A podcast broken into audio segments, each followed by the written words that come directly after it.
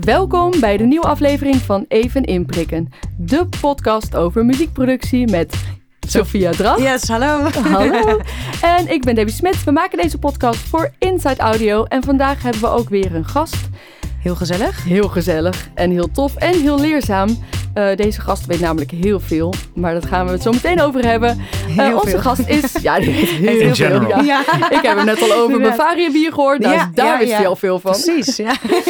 Uh, Sander Petit, Hallo, Welkom. Leuk dat je er bent. dank voor de uitnodiging. Leuk om hier te zijn. Gezellig, ja. graag gedaan, ja.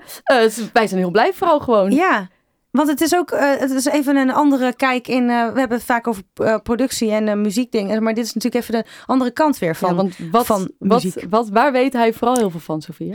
Uh, hij weet heel veel over juridische zaken. We, we praten over hem alsof hij er niet bij is. Ja, ja precies. Dus wij gaan Ja. alle onze juridische vragen, die hebben wij afgelopen maanden opgestapeld en opgeschreven. En die gaan we allemaal spuien bij jou, Ja, Sander. precies. Maak Ja. je borst maar nat. Bring it Want on. we hebben Ja. nogal wat vragen. Het is nogal een verwarrende Ja. wereld. Zeker. Maar om hem even goed voor te stellen. Ja. Toch? Oh, dat gaan we. Ja, ik dacht we- dat doe ik later. Oh, maar dat dat doe ik ook nu later. al doen. Oh, we gingen- Sander ja. Petit is de Ja. oprichter van eh, Backstage Legal en ook wel genoemd als de dance advocaat. Dus op social media Ja. zal je misschien eh, hem al volgen. En dan denk je, ja, maar Sander Petit, die ken ik niet. die heb je vast al eerder gehoord. Sorry, hij kwam er gewoon uit. Ik heb het niet Nee, gelet. ik- ik kan maar soms hebben. komt er gewoon een slechte uit. Nee. mij. Ik vind hem erg leuk. Maar, dan, eh, ja, dan ken je hem als de danceadvocaat. Ja. Klopt dat? Dat klopt toch? Dat Want klopt, zeker, media ja, ben je de danceadvocaat. Ja, ik, ik heb zelf ook heel lang over de tagline na moeten denken. Sander Petit, advocaat voor de creatieve industrie. Toen dacht ik echt, oh nee. Oh. Nee, nee, de Ja. danceadvocaat dat eh, eh, blijft wel beter plakken, denk ja, ik. dat Ja. komt, ja, zeker. En backstage legal komt eigenlijk voort uit dat eh, eh, de meeste zaken, zoals ik dat heb ervaren, vaak backstage worden geregeld. Hm. En dat daar de hele creatieve industrie zich verzamelt. En dat is eh, precies ook wat wij hebben gedaan vorig jaar eh, met een clubje advocaten en juristen die zelf uit de creatieve industrie komen. Dachten we gaan onze krachten bundelen en eh, de wereld verbeteren. Perfect, die hebben we nodig. tof. Ja. We hebben jullie ja. nodig. Ja, en de danceadvocaat is toch omdat je ook DJ bent? Ja, Of heeft omdat- dat er ja, niks mee te maken? eh, dat heeft te maken met mijn passie voor dancemuziek. En omdat ik DJ ben, inderdaad. Of ik je- denk DJ ben, inderdaad, dat vind ik ook zo zwaar klinken. Ik eh, zet wel eens een plaatje op en soms krijg ik ervoor betaald. Nou, je bent DJ hoor. Nou ja, dat doen wij niet Ja, aan. nee, bij precies. moet je er gewoon helemaal van Ja, ja, uitkomen. Dat, ja, eh, precies. Ja, ja. Dat dus is, wij doen gewoon- ook elke dag even, eh, eff- hoe heet Ja. je dat? Affirmations Ja. Ja. naar elkaar. Zo, Gewoon, eh, im- imposter syndroom. eh, Daar- dat- dat is hier weg- niet weg- welkom. Nee. Ja. want nee. inderdaad, je gaat al snel... eh, Ja, Ja. ja, maakt natuurlijk helemaal niks uit, toch? Nee, Nee. uiteindelijk Of doe je het, dus. ja. ja. eh, en of je goed bent, dat, eh, dat is dan weer de volgende. Ja. Nou, en zelfs eh, hoeft goed zijn en Nee. succesvol te zijn nog niks met elkaar nee, te maken zeker hebben. niet. Ja, ja, ja. Helaas Maar soms. goed. Nee, maar wij- gaan ervan uit hoor, dat dat eh, de kwaliteit er is. maar we zijn nu een beetje, beetje snel inderdaad. Ja, voordat we verder gaan, dacht ik, laten we even ons biertje ja openen. precies. En want ik dacht, want we horen Sander al, dus daarom dacht ik wel Ja, leuk om gelijk al Ja, even dat, voor anders te zitten mensen ook maar de Van wie halve is die gast aflevering. dan? Ja. Wie is wie is die derde Ja. stem? Ja, precies. ja, wat, wat klinkt Sofia toch laag? eh? Is ze ook al open? Roken. Ze weet zoveel, ook over Bavaria bier. Ja, maar ja, maar inderdaad, Debbie, wat heb je meegenomen vandaag? ik heb een eh Brewdog mee. Volgens mij is dat Schots. Volgens mij heb ik hen op, wel in eh, Edinburgh. Edinburgh Edinburgh. Is dit dat volgens mij. Ehm, en ik heb de Hazy Jane meegenomen. Want ik dacht, nou, eh, van juridische eh, dingetjes Ja. worden we vaak een beetje hazy, toch? Dus ik dacht, zo'n biertje past er wel bij. Superleuk. Dus eh, Ja, dus dan gaan we hem even openen. ik ga hem nu openen. Ik hoop niet dat hij geschud... Oh, en ik dan kan die op onze beercoaster van Ja, Backstage Die hebben we gekregen net. Nou, Oké, ja, op het thee. Nou, eh, cheers. proost. Proost. Proost, ja, met water mag je niet proosten eigenlijk. Nou, maar jawel, vind ik wel. Wij doen de niet aan regels. Ja. Cheers. Proost. Nee, precies. Want we- ja, dus Debbie en ik zijn de enigen die hier zitten te zuipen nu. ja, maar dat mag hè. Oeh, dat is wel Mm. lekker. Heel lekker. Ja. Ook lekker watertje? Ja, lekker plat. Ja, ja. Ja. nou, daar doe ik wel van hoor. Beetje Mm, plat. mm. Ja. Ja, heerlijk. Nou, goed Hazy. Hey, Goed Hazy. Ja. hoe was jouw week? Mijn week eh, was, eh, ja, was hartstikke leuk. Ik ben, eh, ik Zo ben leuk. bezig Ik deed gisteren de tv aan en eh, En zag ik jou. Nou, daar zat ik dan. Bij Tijd voor Max. ja, eh, ik, eh ook voor Sander even. Ik ben bezig met eh, muziek voor een documentaire, een natuurdocumentaire. Ehm, en die komt 7 juli in de bioscoop. Eh Grutto. Het gaat over de Grutto. De, De nationale vogel. Precies. Nou, Jij Wat weet dus kijk. niemand weet. Jij weet er gewoon van. Ja. Nou, geweldig. Wat goed dat je er bent. Nee, maar serieus. Ik eh, zei dat, toch eh, dat hij alles wist? Ja, inderdaad, inderdaad. Je had niet gelogen. Ja, ik Ja, vind maar- feitjes heel leuk. Ja, wat leuk. En, eh, nou, maar ben je ook een vogelaar? Ik ben eh, geen vogelaar. Oké. Ehm, maar ik, ik praat wel eens met vogelaars. Oh, kijk. En Ja. eh, op die manier krijg ik er een beetje iets van mee. Maar ik vind het, vond het vooral grappig om te weten dat de gutto eh, ons nationale Ja, vogeltje is. precies. Maar dat is wel zo. En het is een keer uitgeroepen door de Vroege Vogels. eh, door, door het programma. Die niet Oké, hele... ik wou net zeggen, dat is ook weer een hele Ja. slechte. nee, ja. Gutto zelf ook een vroege vogel. Dus, eh, nee, maar, eh, maar omdat het, het is heel interessant, omdat het wel aan het verdwijnen is. De Gutto is aan het verdwijnen in Nederland. Dus dat is, het is een hele urgente documentaire door Ruben Smit. Maar ehm, ik mocht gisteren met Ruben mee naar Tijd voor Max voor het programma eh, Tijd voor Max. dat, Ehm, hij, hij heeft eh, gesproken over, eh, over de Gutto, over de film. Eh, en eh, dat het nu wat nieuwe beelden al vast laten zien. En ik mocht als componist mee en ik heb daar live gespeeld. Wauw. Ja, Leuk. met uh, samen. En eh, ja, het was, eh was superleuk. Dus ik ben, eh, ik ben veel in de studio bezig. Maar ik vond het ook leuk om nu eh, in eh, de tv-studio live te spelen. Dus ja, voor de, voor de mensen die het eh, nog willen terugkijken. Zoek kan. het even op. Ja, Ja. Het, het, het is heel mooi. Ja. En, eh, want, en je was Van ook vijf- voor de 25 mei. Grutto, was je 25 ook... eh, oh, sorry, ja. Ja, 25, 25 mei. mei. Ja, dit is even, je mag op altijd promotie doen in onze podcast. Ja, Ja, zet, alles zet wat je hem even in de show notes. Ja, precies. Ja, Ja, precies. goeie, ja. goeie. Gaat erin, Ja, gaat ja, erin. Heel goed. Ja, zo'n zo, moet je erbij hebben. Die, onthoudt alles. Ja. van alle feitjes. Maar Als we niet te veel bepoetsen gaan zeggen, zetten moet je het zeggen hoor. Ja. Dan, eh, als Ja. het nog gemakkelijk wordt. En dan word ik gewoon heel stil. Ja, oh shit, ja, oké. ja. ja, ik ben ook niet heel goed met Hé, complimenten. maar ik zag jou ehm, eh, ook met de Gutto in, eh, in Friesland met een hele mooie eh, Ja, dat klopt. piano. Wat was dat? Inderdaad. Eh, ik heb een... eh, Als we het namelijk hebben over... Sophia's nieuw speeltje. Sophia's nieuw ding. Lekker bumpertje toch? ja, Over nieuwe speeltjes. Ja. Ehm eh, Sophia's nieuwe speeltje. Ja, leuk. Ehm, nou, ik, eh, ik heb deze keer niet superveel eh nieuwe, eh, nieuwe speeltjes gekocht hoor, als een keer. Maar ik heb wel ehm, een piano-ombouw gekocht. Dus die zet je om je elektrische piano, of eigenlijk zet je je elektrische piano in die ombouw. En nou, voor de, ja, eigenlijk zie je dus gewoon niet dat het een elektrisch is, maar het lijkt gewoon een echte upright piano. Oh, een soort sleeve, Ja, een shell eigenlijk. Ja, Oh, precies. Ja. ja, en dat is echt... eh, ja, ik, ik, heb een, eh, ik heb het bij Piano Shell eh, laten maken en het is echt super mooi geworden. Ik was heel blij mee. Ik heb hem meegenomen naar Noord-Friesland om in de weide te spelen. En Ruben, de regisseur dus van de Gutto, heeft eh, beelden daarvoor geschoten. Ehm, en eh, dus dan zit ik eigenlijk bij, gewoon bij de Gutto's eh, te spelen. Ja, dat was echt te gek. Is een mooie ombouw. Ja, het is, een mooie tof. ombouw. Het Ja, het, is, het, is- lijkt gewoon alsof ik op een piano een echte piano aan het spelen ben. In plaats van eh, een Noord. En is dat dan duur? Betaal je daar veel voor? eh, ik Voor de mensen er, die nu luisteren en denken, dat Ja. wil ik ook. Nou, ik heb er 700 euro voor betaald. Nou, dat valt Dus, eh, Ja. Ja, ja, het is voor... voor En dan is die helemaal custom made, toch? Ja, helemaal custom-made. Ja, ik, kon ook, ik, ik wil hem ook niet te hoog, want ja, als dan sta, zit je achter bij sommige upright piano's, dan kun je er ook niet over de piano Niks heen kijken, zien. weet ja, je wel. Zit je altijd, eh, Ja, dan zit je altijd. eh, maar dus eh, het is echt, ehm, echt heel mooi gemaakt. Speel jij piano? Nee. Nou, goed Oh. antwoord. Kort. Heel goed, duidelijk. er ook geen te hebben. Nee. Nee, dat scheelt je weer 700 euro. maar je kan ook wel om je DJ-set nou, eh ja, we, we hebben thuis wel Ja. een piano staan. Oké. Ehm, mijn eh, vriendin speelt piano. Oh. En, ehm, ik vind dat leuk om naar te kijken. Maar ik zou het heel graag nog een keer willen leren. Oké. Maar echt het enige, het enige instrument wat ik speel, eh, of wat ik ooit heb leren spelen, is blokfluit. Oh, Maar ik kan wel Una Paloma Blanca van George Baker een beetje blokfluiten. Wat? nice. Of in ieder geval kon. Eh, Maar dit moet in je Dit- DJ-act. Ja. Je moet gewoon op een gegeven moment je blokfluit pakken en dan gewoon... eh, Ja, Ja, dat zou nog wel een keer een verrassingsact kunnen zijn. ja, zeg maar. precies. Ja, ja, Ja, oh, blokfluit, dat moest ik ook spelen als eerste. Ja, ik ook. Ja. Ja. Ja. En toen op een gegeven moment was mijn vingers waren gekneusd. En toen moest ik van de blokfluit tijdelijk naar zo'n eh, xylofoon. Oh ja. En toen mocht ik weer terug naar de blokfluit. en laatst, met je gekneusde vingers. dat kon wel. terug naar ja. de blokfluit. Dat is dan het enige instrument dat ik kan spelen. En je- Ja, ja. Maar dat is ook een tof instrument. Terug Nou ja, naar, ja. ik heb het geleerd in mijn studententijd. In En, studententijd? eh, ja, dat komt Oh. omdat eh, ik, ik was lid van een studentenclubje. En onze beschermheer was George Baker. Ah. En ehm, ik weet niet of ze het nog steeds doen, maar wij werden in onze ontgroening dan naar George gestuurd. En dan moesten we iets met George doen. Oh. Ze hadden wat cadeautjes meegebracht. En ehm, toen was volgens mij de opdracht van zorg ervoor dat George Baker je Una Paloma Blanca leert blokfluiten. Ja. Dus wij kwamen daar als met, met vijf, 18-jarige gastjes bij, bij George in zijn studio.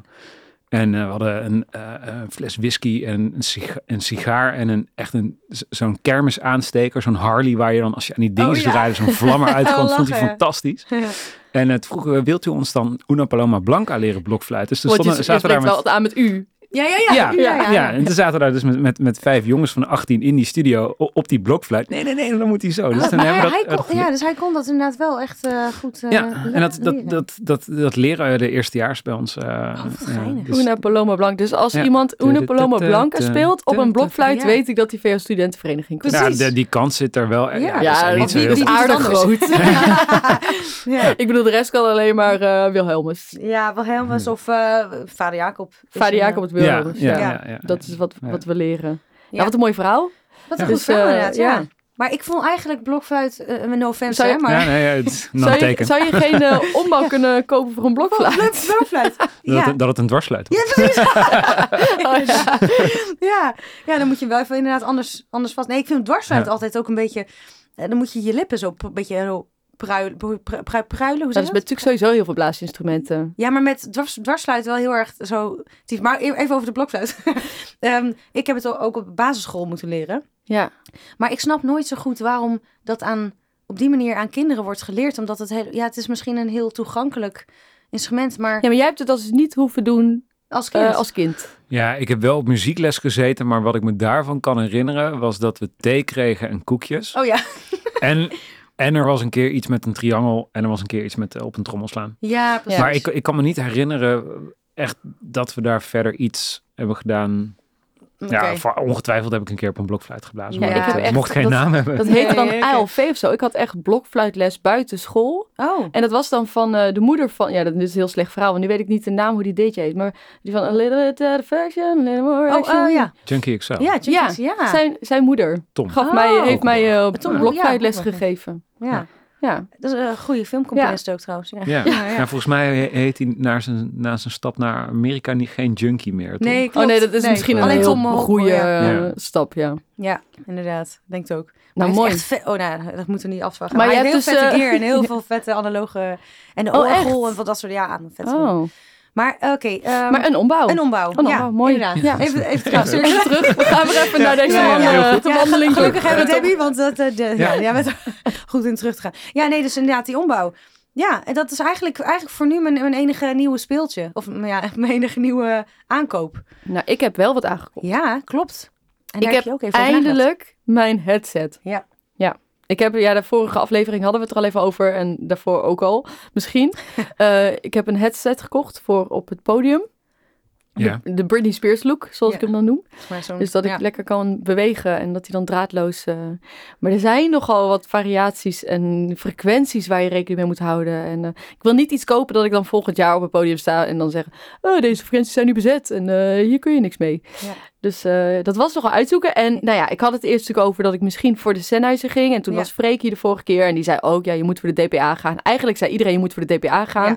Die dubbel zo duur was. En daardoor was ik eventjes... eh, Ja. aan het twijfelen. Maar ik heb gewoon eh, de DPA gekozen. Dus ik heb nu de headset 4066 omnidirectionaal. Dus niet de cardioïde. Dus ik ben ook heel benieuwd of dat feedback gaat geven en op hoeveel dat oppikt. Ja. Maar ehm, ja, dat schijnt dan wel weer opener te klinken. Ja, dus daarom heb ik toch voor de Omni gekozen. Nou, jij, jij stuurde eh, gisteren een test. En dat klonk hartstikke mooi. Mooi, clear en open. En, en, eh, en ook niet te schil of zo. Dus het was een ja, hele toch? mooie... Ja, dus ik ben, eh, ik ben heel erg blij met de Ja. eerste resultaten. En ik ben heel benieuwd hoe die op het podium klinkt. Precies. Dus, nou, wat goed. Hè? Gefeliciteerd. Dankjewel. aankoop. Ik heb het gewoon weer gedaan. Het is Ja. gelukt. Het is Ja. toch weer... Ja, altijd toch wel moeilijk die keuzes. Oh man, je ja. betaalt er altijd zoveel voor. Maar we, blijven er maar doen zo. We blijven maar we kopen. blijven Want maar volgens mij wil jij Heb je ook last van of niet? Ja. Heb jij daar ook last van inderdaad? Ja, gear en spulletjes. Ja. Ehm, daar had ik last van. Maar ik, ik heb mezelf dit jaar opgelegd dat ik van 1 januari tot en met juni geen spulletjes mag kopen. Oh, helemaal Oh, Marie Kondo bijna. en zo ben jij. Ja, dan. bijna. Ja, ja. ja, ja, bijna. De, de, de- de- ik, ik heb ook een in Google kalender Keep een lijstje. Met, Alles wat je zag gewoon Dat nu wat, zo... wat Ja. wij maken voor Black Friday heb jij nu Ja. voor juni ik heb er gewoon een hele lijst. Ja, gewoon, precies. Nee, ja, maar eh, om, om een beetje te, te ontspullen. En ik, ik merk ook wel vaak dat als ik, ehm, dat ik mezelf dat als cadeautje geef om eh, een groot project afgerond, grote rechtszaak, zoiets dat je denkt, nou even iets voor mezelf kopen. Maar door de jaren heen verzamel je dan wel heel veel spulletjes. Ja. Ehm, Ja, want je koopt Ja. ook nooit zo snel. Als je echt gear koopt, verkoop je het ook niet zo snel. Nee, zeker niet als je daarin investeert. Ik, mijn, precies. mijn headphones waar ik mee, eh, mee draai, die heb ik denk ik al twaalf jaar. En ehm, daar vallen inmiddels de, de dingen er bijna van af. Tenminste, De verf is afgebladderd. en Oh, de, ja. Binnenkant zeker. Ja. Ja, die heb Ja. ik al twee keer vervangen. ja, Ah, wat op een gegeven moment zo'n beetje zo zwart wordt op Ja. je... Ja, ja, ja, precies. En welke is het? Wat voor merk? Eh, dit was de Denon Pro 2000. En ik moet wel zeggen dat het, de, de kwaliteit van, van het geluid is wel afgenomen. Maar ik vond dat vroeger prijs-kwaliteit gezien en hoe stevig dat die was. Eh by far de beste hoofdtelefoon. Oh, ja. Dat is En- ook belangrijk, hè? Ja, ik het twijfel nu eh, heel erg eh, al een jaar lang over ja, de opvolger ervan. precies. Want wa- waar zit je over te denken? Nou, je hebt eigenlijk de topline van Pioneer. Die zijn best wel goed, sluiten goed af. Ik wil per se over-ear hebben, omdat on-ear te drukkend is. Dus Hm, dan ja. kom je Ja. eh, daaruit. Het moet stevig zijn, het moet er een beetje normaal uitzien. Dat is Ja. gewoon veel fijner als het er... eh, En je hebt dan de vijf en de, nee, de zeven en de tien twijfel ik tussen. En de tien is wat duurder. Hm. Ehm, maar ja, wat, en wat voor prijzen denk je ja, dat, duurder? dat, dat is volgens mij is dat rond de 320 of zo. Ja. Eh, voor een DJ hoofdtelefoon zit je dan wel ergens in de, in de wat hogere ranges. Ehm, maar het, het commentaar of de reviews, en ik ben ook wel een beetje sucker voor reviews Mm. en lekker Nou, op allerlei zeker, platforms kijken, ja, Ja, is... dat is ook het ehm, enige wat je hebt, toch? Als je het nog niet hebt gekocht en je weet niet zo goed... Is Ja. het heel fijn Ja. om gewoon te lezen wat mensen ervan vinden. En, ja en eh, uitproberen, heel veel verschillende Uitproberen. uitproberen is natuurlijk, ja. Maar er zijn weinig winkels waar eh, die drie, de drie waar ik tussen twijfel, die die allemaal in Oh, ja. store hebben. Ja. Mm. En ehm, dus dat, dat kan verschillen dan. En het commentaar bij de ene was dat hij, dat hij de, de hoogtonen heel helder had, maar de bastonen weer wat minder. Dat was eigenlijk bij de duurste variant. En de iets minder dure variant heeft minder goede, heldere tonen, maar meer bas. En dan Ja. vraag ik me altijd af, wat heb ik nou precies nodig als ik aan het Ja. DJ'en ben? Want Wat, wat heel- vind jij zelf lekker? Vind jij lekker om... eh, en nu lijkt het alsof ik jou advies geef. Zo bedoel ik het helemaal niet. Maar ik vind het interessant van inderdaad kies je je koptelefoon op iets wat je lekker vindt klinken of iets wat meer waarheidsgetrouw is of wat je denkt hier ga ik beter op werken. Ja, dat, dat vind ik een hele lastige, want daarbij komt dat Sony nu ook een nieuwe noise cancelling headphone heeft Mhm. uitgebracht of binnenkort gaat uitbrengen. XM5. Ja. Ja, bedoel je, precies. Eh, en daar was dan de twijfel van, ja, ik kan misschien ook of die of die boze nemen. Dus ja. de drie. Oh, oh ja, kijk, Drie. ja. ja eh, kun je daar ook mee DJ'en of niet? Nou, dus wat ik uiteindelijk belangrijk vind is dat als ik in een DJ-boot sta en ik heb best wel gevoelig ge- gehoor en dat ik ook eh, daarom over ear wil hebben en dat ik het echt ehm, in ieder geval op hoog en op bas goed moet horen. Nu mix ik wel meer op bas dan op hoog. Hm. Ehm, maar ik vind aan de andere kant niet zo storend als een hi-hat die ernaast zit. Dat vind ik iets minder erg dan een bas. ja, oké. Eh, nee, sorry, erger Ja.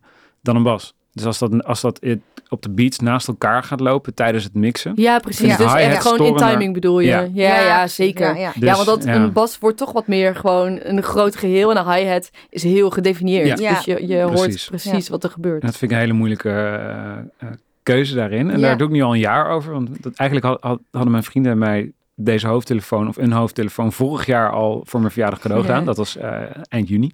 Ah, kijk. Eh, Oh, maar dit is wel makkelijk. ja. Dan is het gewoon eh, allebei. En dan vraag je nu de volgende voor de... Ja, ja, precies. ja, dat dat, kan dat, natuurlijk dat, ook, dat ja. zou ook kunnen. Dat Ja. zou ook kunnen. Maar ons, het is ons advies is altijd heel slecht. Ja, ja.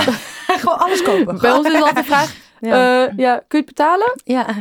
Ja, dan zou ik gewoon voor de beste gaan Ja, en eh, gewoon Ja. of allebei. Ja, ja, ja, inderdaad. Ja. Ik, vraag, ik vraag dat ook altijd, maar kun je het rooien? Weet je wel Ja, zo? ja. Ja. maar daar gaat het niet altijd om. Nee, je wil soms inderdaad ook zorgen dat je gewoon een goede keuze hebt gemaakt. Ja, en niet dat je ergens staat en denkt, oh shit, dit is net niet wat ik Ja. nodig had. En Nee, aan de andere kant, je, je- is het ook, als je het eenmaal koopt, je went er ook aan. hè? Dat is het Dat, helemaal. ja. ehm, Ja, eh, dus ja, dat, dat is het spulletje wat ik na mijn eh, spulletjesloze periode ga kopen. Ja. ja. precies. Nou, ik Ja. moet wel zeggen, dus die XM3, ik gebruik hem gewoon voor persoonlijk gebruik. Maar ik thuis gebruik ik hem ook wel eens als ik thuis even ga mixen. Eh, heb ik wel zo'n, eh, eh, hoe heet dat, Sound ID eh, eh, Ja, refer- reference, reference. Dus dan zorgt dat programma ervoor dat de geluiden vanuit je computer eh, Kalibreert, zeg maar, kalibreert naar eh, waarheidsgetrouw. Ehm, dan, en dan hoor je ook echt wel dat het, het eh, de bas eruit gaat. Dit gaat dus op mijn lijstje. Ja, ja. Ja, dit is wel Ja, ja. echt top hoor. Ja. Want je kan gewoon dan daardoor overal ja. een, een neutrale ruimte. Ik doe Ja. nu eh, Ja, ja, even, eh, tekentjes in de ja. lucht. Want het is nooit helemaal neutraal, maar zo goed als neutrale ruimte creëren. En welke heb jij dan? Ja, dus de, de, eh die, welke die koptelefoon of welke... Nee, dat andere ding. Ja, die Sound ID. is- ik ben nu de Ehm, naam vergeten. ja, ik, Sound eh, ID. Reference. Sonarworks, Van ja. Sonarworks, ja. En dat kun je, de, ik heb dat ook voor, voor, ehm, voor mijn speakers. Dat, dat ik Ja. qua mixen. Ja, het zit gewoon En ja, kan je gewoon kalibreren op je, met zo'n meetmicrofoon. En dan eh, je ruimte kalibreren. En dan gaat hij het zo recht trekken eigenlijk. Nou, dat vind ik, dat, ik vind nu al leuk. Ja, ja, Ja, ja. het, is, ja. het is echt Ja. heel fijn. En je kunt Maar het zelfs is wel met echt nieuwe... even wennen hoor. Als je het net, eh, dan denk je echt van wow, oké, mijn laag zat echt op de verkeerde plek blijkbaar Ja. of zo. Dus ja, met ehm, het, met het mixen ga je opeens dingen Ja. horen dat je denkt... Oh, Ja. wacht, dit had ik even niet oké. ja. Maar en je kunt ook tegenwoordig met het nieuwste eh, de, de versie nu, kun je aanklikken of je een bepaalde ruimte wil. Dus je kunt ook zeggen, ik wil nu in de auto luisteren of ik wil hem nu in de cinema of nu op een telefoon. En dan Ja. gaat hij een soort van Geniaal, dat toch? geluid doen. Ja, dus dan ik kun je heb ook die gelijk... dus niet. Ik heb de oude versie inbalen. Ja, dus jij gaat weer iets nieuws eh Ja, kopen. Ja, maar, maar dan dat kan je is dus horen hoe het in de, in de auto zou klinken. Dan hoef je niet in de auto te gaan zitten om te gaan horen hoe het klinkt. Ja. Wat we nu al, wat we Ja, altijd eigenlijk altijd doen. doen, ja. Oh, het klinkt toch wel anders. Ja. En op je telefoon, zeker als Ja. je ook voor social media of zo Ja, een ja. film. Maar met die eh, XM3 hoor je dus dan wel, zodra ik het aanzet, gaat die bas weg. Dus dan wordt hij veel neutraler. Maar het is, ik vind die bas juist heel lekker klinken. Dus ik heb ook wel die Sony gekocht, omdat die eh, aardig waar neutraal wel is, maar nog steeds wel lekker Ja. warm. En want ik vind het ook gewoon lekker als ik muziek luister, dat het, ik hou van bas.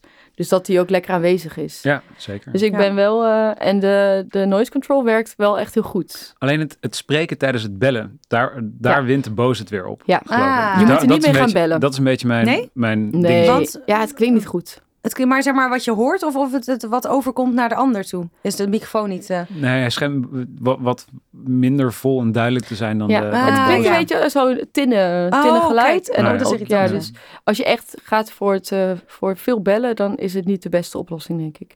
Maar voor geluid ben ik echt eh, heel blij met. En je kunt inderdaad gewoon een kabel erin prikken. En dan kun je gewoon, eh het hoeft niet altijd Bluetooth. hoeft niet Bluetooth altijd. Ja.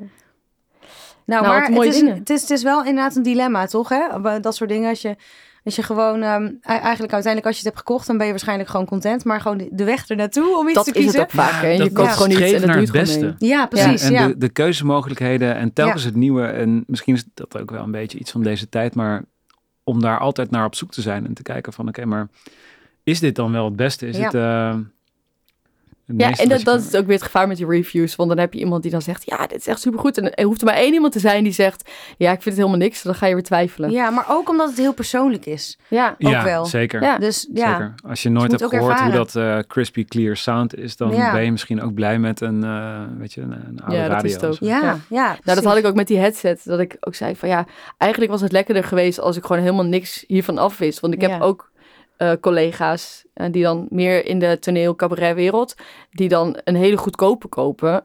En Ja. dan met zo'n 85 euro eh koptelefoon of Ja, microfoon zitten. ja. Dat ik denk, ja, dat zou ik nooit mee praten. Omdat ik weet wat voor effect het is. Maar daardoor ben ik wel 700 euro meer kwijt. Ja, precies. bijvoorbeeld. Ja, maar je wil gewoon Ehm, kwaliteit uiteindelijk. Dus ja, dat- maar soms is het wel lekkerder om gewoon Ja.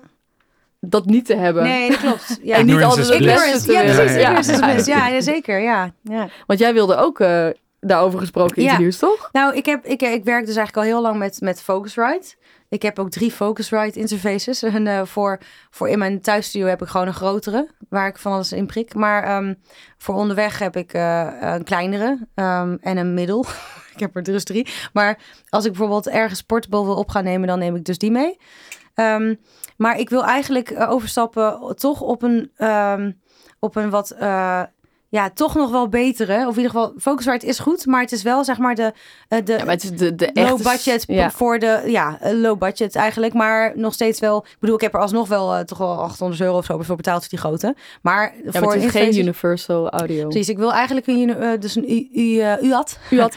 Ehm, maar dus ja dat wordt mijn volgende aankoop denk ik maar daar ga ik denk ik ook maanden over doen om daar een beslissing Ja, over om te maken weten welke.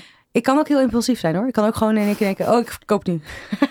en, dan, en dan uiteindelijk wel blij zijn, maar dat ik denk, oh, ik had er toch iets hem over, net niet. na, lang over na moeten denken. Ja. ja, maar dus dat zijn allemaal van die, van die lastige dingen, omdat je ergens aan gewend bent ook. Ehm, maar je weet, ik kan wel echt nog wel betere kwaliteit krijgen. Ehm, Maar ja, dus ik zit nu een beetje te kijken van welke, welke UAT eh ik wil hebben eigenlijk. Ongetwijfeld. Volgende aflevering ben je wat verder in je zoektocht. Gaan we het er even lekker over Precies, hebben. gaan we het daarover Ja, hebben. Ja. Dat wordt misschien wel mijn nieuwe speeltje. Zullen we het even hebben over de nieuwe speeltjes die überhaupt eh, in de markt zijn gekomen? Want er is een nieuwe... Ja. Dat, misschien moeten we daar wat snel doorheen. Want Mhm. eh, dan kunnen we door naar de echte juridische Precies, waar je hiervoor kant bent. van deze podcast. Maar er is een, een Roland Juno X uitgekomen. Ja. Een nieuwe synthesizer. Precies. Dus ik dacht zo, misschien kun je die ook wel kopen. Ja, die kan ik wel even kopen. Er zit een beat sequencer ook in, dus je kunt eh, echt een drumcomputer en... eh, Maar hij klinkt, of nou, ik weet niet hoe die klinkt, maar het, zeg maar het verhaal. Het, het klinkt heel nice wat er allemaal in zit en wat je ermee kan. Ja, zeker. Hij klonk heel tof. Ik heb naar het filmpje gekeken, klonk heel tof. En wat voor een... Eh, zit je wel aan de 2000, 2000, euro. ja. Ja. Ehm, maar maar, goed, ja, tegenwoordig goede is er ook een synth zoveel, ja, Ja. bijna. Ja, alles wordt duurder. Maar je kunt natuurlijk wel ook de hele goedkope, eh, de IRA Compact kopen. Ja, dat zijn er Dat drie. zijn, eh, dat zijn de drie. Dat zijn nieuwe kleine compacte dingetjes. Een beetje zoals die boutique modellen. Dan heb je ook de T8 Beat Machine, de J6 Chord Synthesizer en de E4 Voice Tweaker. Daar Ja, ben ik heel benieuwd Die naar. voice tweak lijkt me heel interessant om die ook live te gebruiken. Ja, precies. Dat Ja. lijkt me heel tof. En die zijn 200 euro per stuk. Ja, dus die ga ik sowieso kopen. Ja, sowieso. dus dat eh, horen we volgende keer van jou. Ja, precies. En je moet wel met je geld, hè? Dus, eh, Dat is ook, ja. ja. Wij zijn geen wijze, Ja. gecalculeerde mensen. Wij zijn gewoon muzikanten die gewoon graag geld uitgeven. Ja. Ehm, en er is nog een andere juridische ontwikkeling. En daarvoor willen we graag eh, jouw eh, expertise wat meer bij. Want er is, er is een rechtszaak geweest. Of er is een, een zaak die loopt naar Buma Stemra. Over Spotify? Over Spotify, wat over privé en zakelijk wordt gebruikt.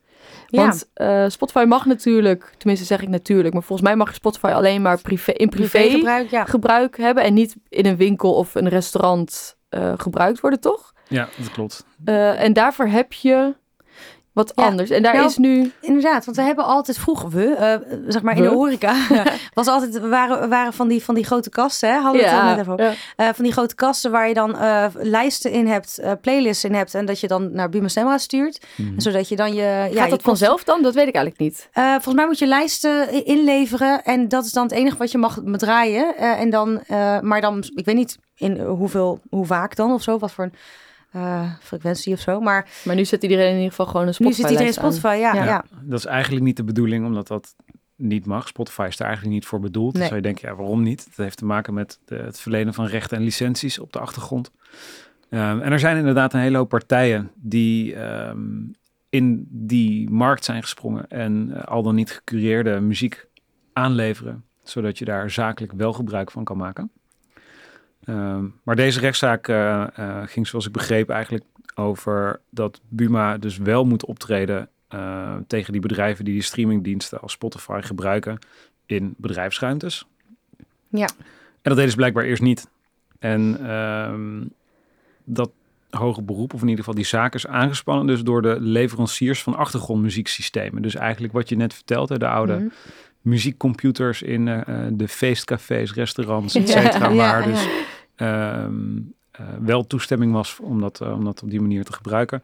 Die, eh, die zijn, hebben tegen Buma gezegd, jullie creëren eigenlijk een ongelijk speelveld door niet actief te handhaven. Ja. En wij Ja. moeten wel aan allerlei voorwaarden Dus dat is eigenlijk niet eens eh, ter bescherming van de muzikant, maar meer ter bescherming van die partij dat waarschijnlijk ook geld krijgt. Ja, een de deel van. Of zie ik dat verkeerd? Nou, in, in zekere zin is het wel ehm, voor de bescherming van de muzikant. Nu gebeurt het dat er dus Spotify wordt gedraaid op plekken waar dat eigenlijk niet mag. ja. Nee. En ehm, daar wordt dus geen extra licentievergoeding over betaald. Of geen Ja. aparte licentievergoeding door die eh, bedrijven.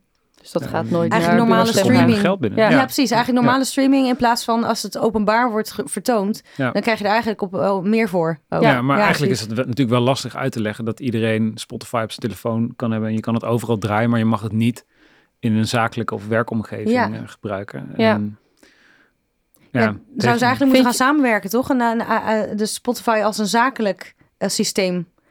dat, is eigenlijk- dat ja, zou dat de makkelijke zou- oplossing zijn. Ja. dat is een mooie oplossing zijn. Ja. Ja. Nou, zo Nou, nou. heb jij nu gewoon even de oplossing aangebracht. Ja. Had ik niet van mezelf verwacht. nee. Maar in ieder geval, dat zou wel een, eh, zou een goede oplossing zijn. Maar dat is op dit moment... Buma Stemra loopt echt wel achter de feiten aan. Heel vaak. Dus dat is natuurlijk nu al vanaf... Ja, ze, hebben natuurlijk een, een, ergens een spanningsvlak tussen tijd, aandacht en opbrengsten. En Ja. ja, hiervoor was daar blijkbaar niet, niet genoeg ruimte voor. Of wilden ze dat niet actief eh, gaan controleren en boetes uitdelen, et cetera. Omdat het misschien niet genoeg opbracht. Ja, Maar er is dus nu een andere partij die zegt, ja, maar je stelt andere voorwaarden voor ons en je controleert niet terwijl dat de regels zijn. ja, Wat daaruit nu wel blijkt, is ehm, dat Buma Stemra dus actief moet gaan toevoegen eh, in de contracten en in de verlengingen. Dus voor de, je kan niet tijdens het spel de spelregels veranderen, maar Ja. ehm, in die aansluitcontracten, licenties en dergelijke moet wel komen te staan dat eh, ondernemers dus Spotify niet mogen gebruiken. En ehm, Ja.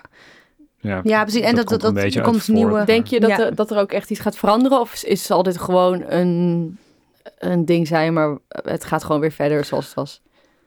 Ja, het valt of staat natuurlijk allemaal met hoe, hoe actief dat ze dit gaan, eh, gaan handhaven. En of, dat, eh, of ze dat gaan controleren of niet. Ja. Dus dat, ja, Er zullen ook heel veel restaurants en winkels niet blij mee zijn natuurlijk.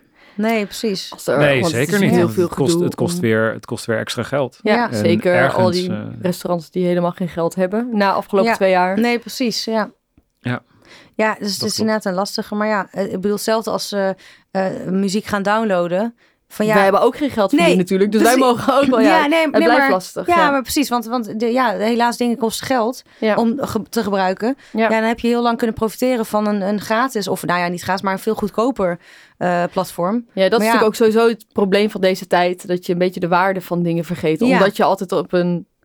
Omstreden manier het veel goedkoper kan doen. Ja, omstreden precies. als in dat het niet illegaal is. Nou, eigenlijk wel. Nou, maar Of wel. wel nou ja. illegaal, maar dat Ja. het wel gedoogd wordt. Dus dan lijkt het alsof het niet Ja. illegaal is. Maar eigenlijk, Ja, precies. maar doe je het wel Spotify is opgericht toch eh, om illegale downloads tegen te gaan. Zo is het begonnen eigenlijk. Ja, het, het, het probleem met, met downloads was dat je alles moest kopen. Ja. En dat je niet elk liedje apart wil kopen. Ehm, en in feite kreeg je dan eigenlijk ook een licentie. Bruce Willis heeft daar wel eens een rechtszaak over gevoerd. Die, die had voor duizenden, toen niet tienduizenden dollars een iTunes library opgebouwd. Nou ja. En dat bleken persoonsgebonden licenties te zijn. Dus op het moment dat hij doodging, kregen zijn kinderen die muziek niet. Oh, is- ja. De, de, de, de fragmentatie van rechten, toestemmingen, gebruik, et cetera, wat, wat om muziek heen is gaan hangen, is door de, ook de vercommercialisering en de industrialisering in, de, in die hele muziekindustrie eigenlijk buiten proporties ga- gegaan. En, Ja. en Spotify was daar inderdaad een reactie op. ja. Net als dat eh, Napster en LimeWire Ja. en eh, wat had je allemaal nog meer. Ja, Alle ja. torrents een reactie Ja, zijn ja. op, op, op het te BitTorrent, duren en, Ja. en niet beschikbaarheid van, van Ja. legale content. Ja, ja, Ja. ja, ja. precies. ja, met, Ja. het lijkt me ook een heel moeilijk pad om te bewandelen als eh, bedrijf. Om dat goed Ja. te doen. En, eh, Ja, zeker. Het, het is een moeilijke wereld voor ons. Maar zullen Ja. we misschien daarom maar gewoon eh, wat, wat vragen Ja, wij, hebben allemaal eh, prangende vragen natuurlijk. nou ja, het, ja we, hebben wel, we hebben wel natuurlijk wat dingen. Eh, misschien kunnen we even... even Nou, ik, ik ben heel benieuwd eerst eh, hoe jij de dansadvocaat geworden bent, überhaupt. Dat is een goede vraag. Dat komt als we heel ver teruggaan door mijn oppas Ralf uit Gelderop. Oh, Oh, Ralf. Ralf. Shout-out naar Ja, Ralf. Shout-out naar Ralf, ja. Ralf was een van de, van de eerdere gabbers. Mm. En eh, Ah, eh, ja. een kale kop. ehm, en ging naar die feesten toe. En ik zag een keer op zijn bureau een kaartje liggen met een eh bonsaiboompje en een soort van Japanse vlag. En eh, mijn vader is Japans. Ehm, dus ik, ik zag daar een soort herkenningspunt in. Dus ik vroeg hem, wat, wat is dat? Wat is dat kaartje? Ja, dat is voor een feest, voor bonsai-feesten. Dat waren toen grote gabberfeesten in België. En hij liet mij toen die muziek horen. En toen zei ik, nou, dat, dat is wel heel hard, Ralf. Ik was zes, dus... Ik weet je Ja. hoe oud ik was toen Eh, mijn broers mwah. gabber waren. Oh Dus, eh, ja, oké. Eh, maar toen zei hij, maar dan dan heb ik wel wat anders voor je. En toen gaf hij me voor mijn verjaardag de cd Turn Up The Bass. Ja, eh, nummer 2, House Party. En sindsdien was het bij mij gewoon ik alles had de dance. house party. Oh ja? Eén grote Oh, house party. Al mijn zakgeld ging op aan bandjes. Zo Eh, jong En al. dan maakte ik, Ja, nam ik dat op. Eh, of, of de bandjes over dance. En ik, ik heb zelfs een keer een hele slechte cd gekocht over hardcore en Formule 1. En dan zag, had je gewoon Formule 1 geluiden met hardcore er Oh, doorheen. En dat, daar maakte ik dan mixjes van Wat op cool. bandjes. En dit was de tijd dat er nog een eh, shift of een controle was in wat er allemaal op CD kwam, zeg maar. Zeker, Ja, zeker. ja. Ik maakte Dat dus is van illegale mixtapes. Ja, ja, Ja, ja, Ja, dat, oh, je bedoelt op die manier. Ja, nee, Ja, dat is er dus doorheen gekomen. Dat je denkt, wauw. Maar Ja. dat gaf de hype aan van Gabber. Ja. Gabber is de grootste jongerenbeweging die we in Nederland mm, Ja, ooit hebben gehad. En het was ook echt een hele, Ja. op, echt een punk in die zin beweging natuurlijk. Ja. Het was heel erg opstandig. En, eh, Ja.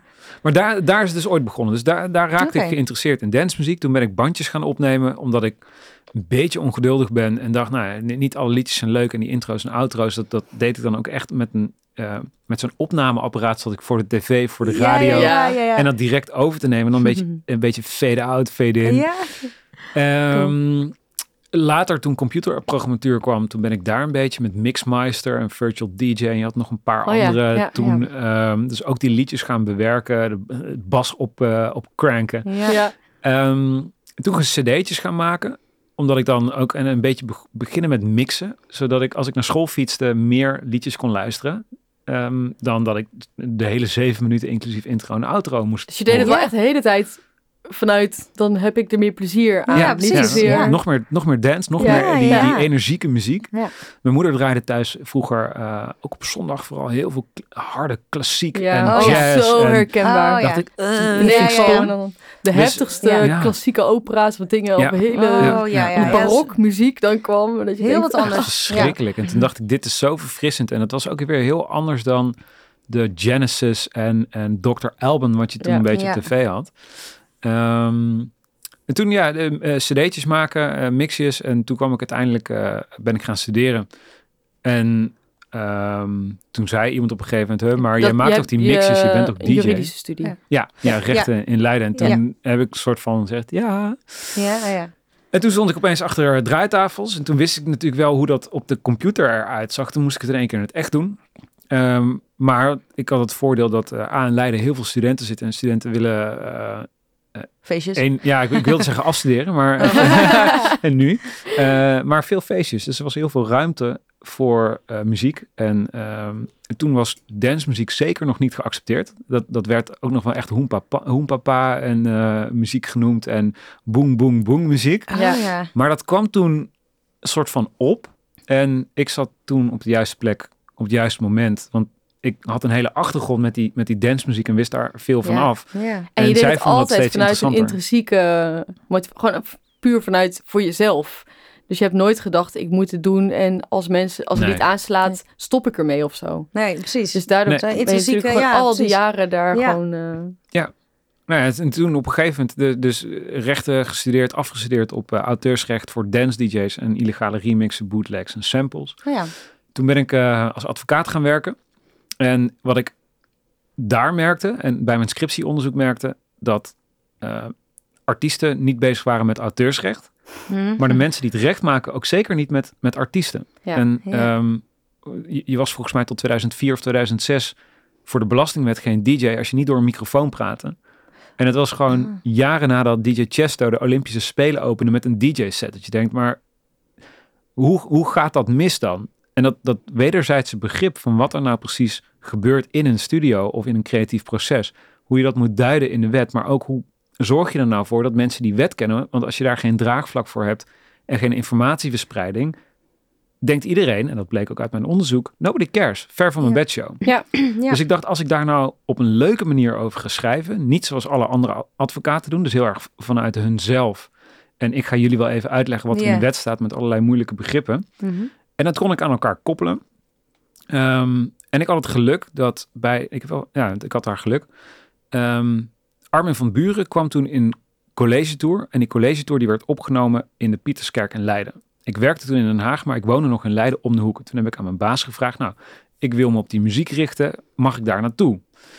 Ehm, dat mocht. En ik raakte toen aan de praat met de uitgever van DJ Mac. En DJ Mac had toen net het eerste blad in Nederland uitgebracht. En die vroegen, of ik vroeg aan mij van wat mist er? En toen zei ik, nou, een juridische column en die ga ik wel voor je schrijven. Oh, wat goed.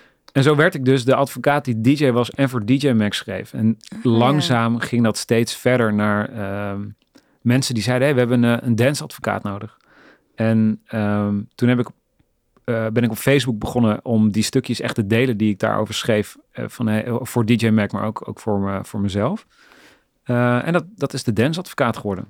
Wauw, wat, wat een goed, Ja. mooi, mooi verhaal. Eh, ja, Ja. ja. Ja, en mooie ik denk, geschiedenis. ja, heel tof. Ja. Ik, ik, eh, dat je dat inderdaad zo zag. Ik denk dat het heel belangrijk is dat het wat meer Ja, samenkomt. ja, eigenlijk een, eh, er is ook een beetje zo'n... Patriot eigenlijk. Ja, gewoon zo, ja, want het is Ja. gewoon echt baan, baanbrekend eigenlijk, omdat het gewoon niet op die manier. Nee, niemand. Gezien- dit was in werd. 2015 toen ik op Facebook begon. En ik schreef daarvoor al wel wat, wat langer op die manier. Maar ik, ik ben wel een van de eerste, en, eh, eerste advocaten geweest die dat op die manier heeft gedaan. Ja, Ja, En ehm, maar je moet, Ja, als je dan zo'n ja. weg zelf begint, eh, ben je vast wat problemen tegengekomen. ja, altijd gezeik als ik op Facebook zat. Dus Oh. op, op werk was, daar, daar werd heel lang niet begrepen dat de dichtste manier om contact te hebben met je eh, mensen voor wie je de stukjes schrijft, is op sociale media. Ja, En eh, de traditionele advocatuur, daar kreeg je dikke kudo's als je in een wetenschappelijk blad iets schreef voor andere advocaten, zodat andere advocaten Oh zeggen, ja, "Hmm, precies. Ja, dat is wel hele heel knap andere- In gedaan." eigen bubbel blijven Gedacht, Ja, eigenlijk. lekker in je, in je ivoren toren. Ja, precies. Ja. En toen dacht Ja. ik, oké, maar als je nou dat draagvlak wil vergroten en wil zorgen dat mensen meer van rechten weten, Ja, daardoor betere deals maken. Als mensen betere deals maken, daar heb je een soort bewustzijn voor nodig. Een beetje weten Ja. eh, waar, maar dat is wat toch een ook klok is en inderdaad klepel. het probleem. Dat als Ja. zo'n advocatenkantoor en alle, iedereen en die in de contracten zitten, allemaal denken, maar dit is het summum en hier moeten we voor werken. En dat ja. vervolgens de muzikanten allemaal denken, eh, zij proberen ons te naaien. ja precies. Ehm, dat is wel. ja, Ja. komt dat- dat, nooit samen. Nee, en dat is een stukje eh, arrogantie en ego wat, wat in de advocatuur nog steeds wel hoogtij viert. Ja. En ik, vind het, ik, ik verbaas me daar altijd over dat daar nooit echt iets aan client onboarding, customer experience.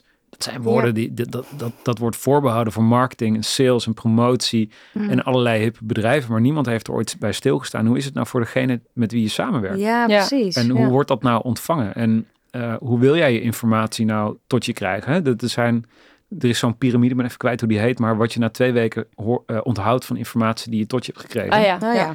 En eigenlijk lezen is het allerslechtste. Volgens mij onthoud je 10%. Oh ja, ja. En daarna krijg je Ja. tastbare nou alle tentamens van ja, de... precies. oh ja, ja, ja. ja. Ik, had, Geschiedenis, ik, ik ja. had graag op, de, op school eh, video's gehad met iemand die het uitlegde. Of iemand... Ja, precies. had je want veel ja, beter. veel beter. Ja. Ik ben Maar ook niet hoe zo lezer. leer je iets? Ja. Je- wij, wij leren niet hoe we dingen moeten leren. Nee. Ja. nee, dat is waar. Dus dat vond ik heel interessant. Ja. En ik merkte dat dat was door verhaaltjes en door dingen uit te beelden. En ik ben bijvoorbeeld nu ook met twee afstudeerstudenten van de Hogeschool Leiden bezig met verschillende eh, stukken uit de muziekindustrie. Bijvoorbeeld, eh, welke rechten zitten er op muziek? Eh, en eentje gaat over hoe zitten nou die sync deals in elkaar? Oh ja. Om dat via legal design in een infographic te zetten, die interactief is of waar andere mogelijkheden zitten, omdat je dan A hoger op de piramide komt en B de voorkeurskanalen van de meeste voorkeurskanalen zijn eigenlijk de manieren waarop dat je het liefste informatie tot je krijgt. Die zijn enigszins persoonlijk en anderszins eh, voor creatieve mensen in ieder geval niet heel veel tekst. Nee, precies. Ja. Dus je Ja. hebt sommige mensen zijn auditief, dus op, Ja. op hun Mhm. gehoor. Andere mensen zijn visueel ingesteld. Je hebt mensen die eh, eh, conceptueel zijn ingesteld. Nou, Ja, daar- de juridische daar- wereld is heel erg op tekst. ja, Ja. en eigenlijk is dat heel... Het is in zekere zin begrijpelijk, maar ik vraag me dan altijd af, voor wie doe je dit nou? Ja. Ja. ja. En ik ben intrinsiek gemotiveerd en het is mijn missie om de muziekindustrie beter te maken. Dus dan moet je ook een beetje verplaatsen in, in de schoenen van Ja. degene voor wie Ja. je dat doet. Ja, precies. En het sluit dan gelukkig aan bij hoe dat ik daar zelf in sta. Maar Maar dat maakt ja. natuurlijk ook wel verschil of je daar zelf ook affiniteit Ja. mee hebt en snapt zeker. hoe zo iemand... Nou, ik word altijd heel blij als ik een, een contract van twee pagina's krijg in plaats van van tien. Denk ik, want ik vind sowieso altijd contracten krijgen. Oké, daar gaan we weer. Moet ik echt eh, ja, tot, elk, totdat alles er allemaal dingen niet in stonden waar je problemen mee Ja, krijgt. precies, En dat precies. is natuurlijk ook wel weer Nou, en Dat, dat is, dat is een heel Ja. groot spanningsvlak. Van, Ja. Weet je, in, in een contract van. Ik had gisteren ook was ik een contract aan het beoordelen van een grote Nederlandse partij. Dat twee pagina's was. Dan dacht ik, oh god, het rammelt aan alle kanten. Er staat heel veel niet in. Hier ga je echt problemen mee krijgen. Ja, precies. Dat is weer de andere kant. Ja, ja. Er stond bijvoorbeeld een clausule in, en dat kan ik wel vertellen, ik vertel niet over wie het gaat, maar er stond in partijen zullen overleggen over de marketing- en promotie-inspanningen. Hm. Dacht ik, oké, ja, dit zegt dus precies niks. Nee, precies. En op het moment, dus eh, ik werkte voor een artiest en die moest eh, dan een plaatje aanleveren. Dan ga je daarna daarover hebben. Er stond geen bepaling over kosten in. Dus het label kan gewoon zeggen, nou, ja, is goed. We gaan dus dat, eh, we willen best die marketing doen. Kost je 1000 euro, gaat af van de royalties. Dus Ja. hè, mo- moet worden gerecouped of Ja. ingelopen, zoals dat mooi heet. Mhm. Ja, en dan zegt die artiest, ja, maar dat heb ik niet of dat wil ik niet. Nou, dan gaan we niet eh, promoten. Nou, dat, Oh ja, dat gebeurt er dan Nou, als je iets contractueel gewoon niet vastlegt. Maar dat- je hebt toch, Ja. je kunt als artiest denk ik dan ook ergens wel. Dus hoe zou, stel even nu bedenken dat er eh, iemand luistert en denkt, oh ja, dit is mij ook overkomen of dit gaat mij ook overkomen. Hoe kun je ervoor zorgen dat je als artiest dan denkt, ja, ik ga dit spel mees of meespelen Ja. en ik ga goed nou, terugkomen. hoe kun je goed onderhandelen? Ook dat, Ja. dat, Ja, dat zijn twee, twee dingen. Ja, drie dingen. Ehm, goed onderhandelen begint bij weten wat je rechten zijn. Hm. Als je niet weet ongeveer wat je rechten zijn, kun je geen slimme deals maken. Nee. Slimme deals leiden tot minder risico, meer inkomsten. Minder risico, meer inkomsten leidt tot meer vrijheid. Meer vrijheid leidt tot meer creativiteit. Meer creativiteit leidt tot meer werk, betere deals.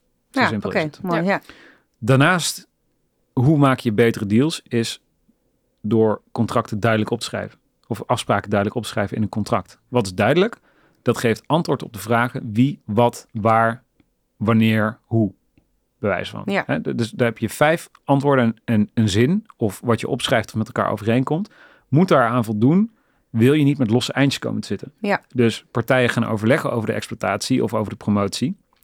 Ja, maar wanneer en waar gaat dat overleg precies over? En dan hoef je niet allemaal uit te schrijven, maar je moet wel uiteindelijk duidelijk hebben waar het over gaat. En je zit met een los eindje, want overleg is niet hetzelfde als toestemming. Hm, ja, precies. Nou, dat is wel iets, denk ik, wat heel belangrijk is. En dat heb ik heel erg geleerd. eh een vriend die ook jurist is, dat hij soms... Dan, ik, ik ben dan heel erg verwend, want ik leg mijn contract gewoon bij hem neer. En dan zeg ik gewoon, wil jij het even doorlezen? Ja. Maar eh, daar heb ik wel heel erg geleerd in, inderdaad, als je iets leest, hoef je daar niet altijd ja op te zeggen. ja, Nee, precies. zeker. Je mag, je mag en je moet onderhandelen. En eigenlijk Ja. moet je je huid duur verkopen, om zo te zeggen. Ja. Ja, En daar werk ik altijd met een soort getrapt of een soort trapje. Dus je hebt de, de maximale volledige eh, overdracht met het eh, wegtekenen of het eh waven van je morele rechten. En dat gaat telkens een stapje meer naar beneden. Dus ja. je, je kan je voorstellen dat een niet-exclusieve, hele beperkte licentie, wat vaak bijvoorbeeld sync deals zijn, dat levert minder op dan een wel exclusieve Ja, licentie. En dat, nou, ja, zo, zo kun je dat een beetje in kaart brengen van, oké, maar als dit, dan dat. En daarnaast eh, hangt het ook vast aan waar je op dat moment bent in je carrière. Ja. Dus als jij eh, ehm, eh, net een plaat hebt uitgebracht die eh 10 miljoen streams heeft, dan heb je denk ik meer recht op een wat hogere vergoeding of wat betere contractvoorwaarden bij je volgende deal. Ja. En zo moet je dat een beetje bouwen. En dat En- geldt in, ja. voor muzikanten, voor optredens. Als jij een landmark performance hebt, dus je eh, doet het voorprogramma of je maakt de muziek voor het Eurovisie Songfestival, ja. ja, dan gaat je fee omhoog daarna. ja Zo precies. simpel ja. is het. Je weet Ja. precies wat wij willen, hè? wat Ja, onze precies, ja, ja. heilige graal. Waar onze, Ja. Het Nou, Songfestival. eh, Het Songfestival, dat wil iedereen toch? Maar en Ja. hoe Maar, als ja. je... Oh, sorry. Nou, nou ja, ik- meer zo van wat je net zei ook van als je niet weet wat je rechten zijn. Want ik denk dat dat met heel veel muzikanten zo is. Ehm, eh, en wat ik zelf ook in het verleden heb ervaren. hoe kom je ehm, daarachter? Ja, meer zo van, eh, oh dit is contract, oh dit zal wel gebruikelijk zijn. Weet je Nou, wel dat, is ook een heel vaak gebruikt excuus. Ja, best wel, ja, maar die bedrijven doen dat op die manier. En, en ik heb er, ben er laatst bij een onderhandeling achter gekomen. Oh, oké, ik hoef hier niet gelijk akkoord mee te gaan. Want Ja. ik vind het eigenlijk belachelijk wat erin staat. Ja. Ja. Dus maar, maar heel erg op de loer liggen van... oh ja, maar ze zijn eigenlijk al gunstiger dan het bedrijf, dat andere bedrijf. Dus, weet je wel? Ja, dat, dat komt heel vaak voor. En kijk, als creative, artiest, producer, schrijver, componist, wat dan ook. Het is ook een beetje je eigen verantwoordelijkheid. Hè? Ja, dat is het ook. Ja. Ehm, Het is ook je eigen zaak. Het is je eigen, Ja. het is je eigen zaak. En eh, ik, ik, vind, ik, kan niet, ik kan echt super slecht rekenen. Mhm. Ehm, maar belasting moet ik ook betalen. Ja. En dan kun je ehm, kijken wanneer dat het handig is om eh, een, eh, een bepaalde investering te doen. Ja, Dan moet je toch een beetje voor rekenen. ja. En hoe ik- kun, je, ja. hoe kun je dat doen als artiest? Hoe kom je erachter? Heb je daar ook ervaring mee vanuit de praktijk? Dat je tegen artiesten zegt, ja, maar ga eens, zeg je dan, ga op het internet kijken of ga rondvragen? Of wat, wat is een manier hoe jij erachter komt? Nou ja, hoe, hoe, ik, ik geef veel les. Dat, Ja. dat vind ik eigenlijk een. ehm, ik geef les aan, aan allerlei onderwijsinstellingen in Nederland, van Herman Brood Oké. eh, tot aan het conservatorium, tot Ja. aan de universiteit. Over muziekrechten en eh, intellectueel eigendom. En ik denk dat, dat mensen het daar moeten leren. Dus ik ben blij om te zien dat heel veel muziekopleidingen aandacht besteden, ook aan de zakelijke Ja. kant. Ja, en aan dat is heel goed, ehm, niet alleen dat zakelijke stukje, maar ook de verbondenheid tussen de muzikant en het werk. dat is uiteindelijk natuurfilosofisch gezien ons beschermingsgedachte van het hele intellectueel eigendom is, is om creativiteit te stimuleren Ja. en om die band te beschermen. In Amerika is het gewoon een heel plat economisch recht. Ja. Ja. Patsen. En hier wordt dat toch als iets meer gezien. En Ja. ehm, nou, daar zit ook een stukje verantwoordelijkheid van een artiest om te kijken, wat, hoe word ik dan daarmee beschermd en hoe gebeurt dat dan? Want als je daarin je carrière wil maken, dan moet je daar iets van afweten. Anders ga je dingen laten liggen die je Ja. heel veel... eh, Ja, maar want bijvoorbeeld masterrecht, dat wordt, eh, ik heb begrepen dat in de dance dat het een heel gebruikelijk geworden is, dat je zomaar je masterrecht weggeeft eigenlijk. Voor, ja, voor een laagdrog. En, en dat is in net- alle elektronische muziek. Ja, ja, precies. En dat is eigenlijk ook eh, doorgegaan in, in, eh, in de, eh, zeg maar meer pop, popmuziek. Of ja, dat valt allemaal onder, onder, onder popmuziek misschien. Maar, Ja. ehm, en dat het Ja. eigenlijk best wel normaal is om je masterrecht weg te geven. Ehm, eh, sterker nog, voor een weinig een laag fee of Of niks. helemaal niks. En, en ehm, dat, ja, dat is eigenlijk gezien wordt het als normaal. Dat is het niet. Nee, precies. Maar daar moet wel verandering komen. Maar hoe komt er verandering als de grote sync agencies daar dat als eh, nog steeds als een soort van ehm, ja, gewoon de, de doorgaande De norm ja, zien. De norm, Kijk, de ja. Britalen hebben de halve wereld. Ja. En je kan je, overigens, ik werk voor, voor labels, maar ook voor artiesten, dus voor allebei de kanten. Uiteindelijk ehm, is het ook tijdig. Je kan, niet, je kan niet altijd blijven claimen wat niet van jou is. Simpelweg omdat je dan ontevreden artiesten krijgt. Dat is één. En omdat er ook steeds meer juridische mogelijkheden zijn om die masterrechten terug te krijgen. Dat is twee. Daarnaast is er nu echt een hele belangrijke uitspraak van eh, de rechter in Nederland. Zowel de kantonrechter als het Hof en nu ook bevestigd door de Hoge Raad, ons hoogste rechtscollege. eh, in de zaak van Martin Garrix Ja, tegen Spinning. Records. Dat is interessant, ja. Ehm, en daar is, is, is heel mooi uiteengezet wie nou precies die master-eigenaar is. En ehm, in het geval van eh, Martin Garrix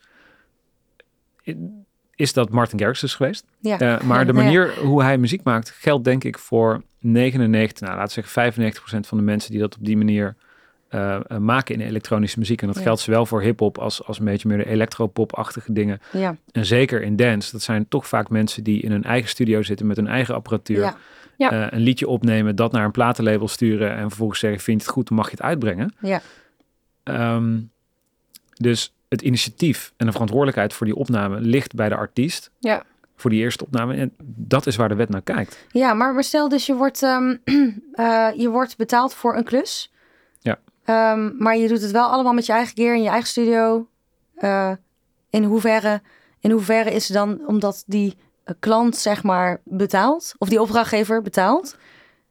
Ehm, hoeveel, hoeveel heeft diegene dan recht op masterrecht? Nou ja, kijk, be- betalen, een praktische...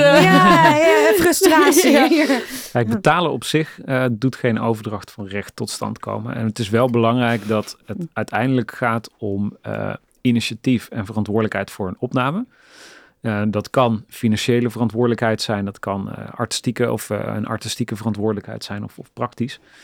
Maar financieel en financieel risico is daar wel eh, een belangrijke, eh, belangrijke punt om naar te kijken. Ja.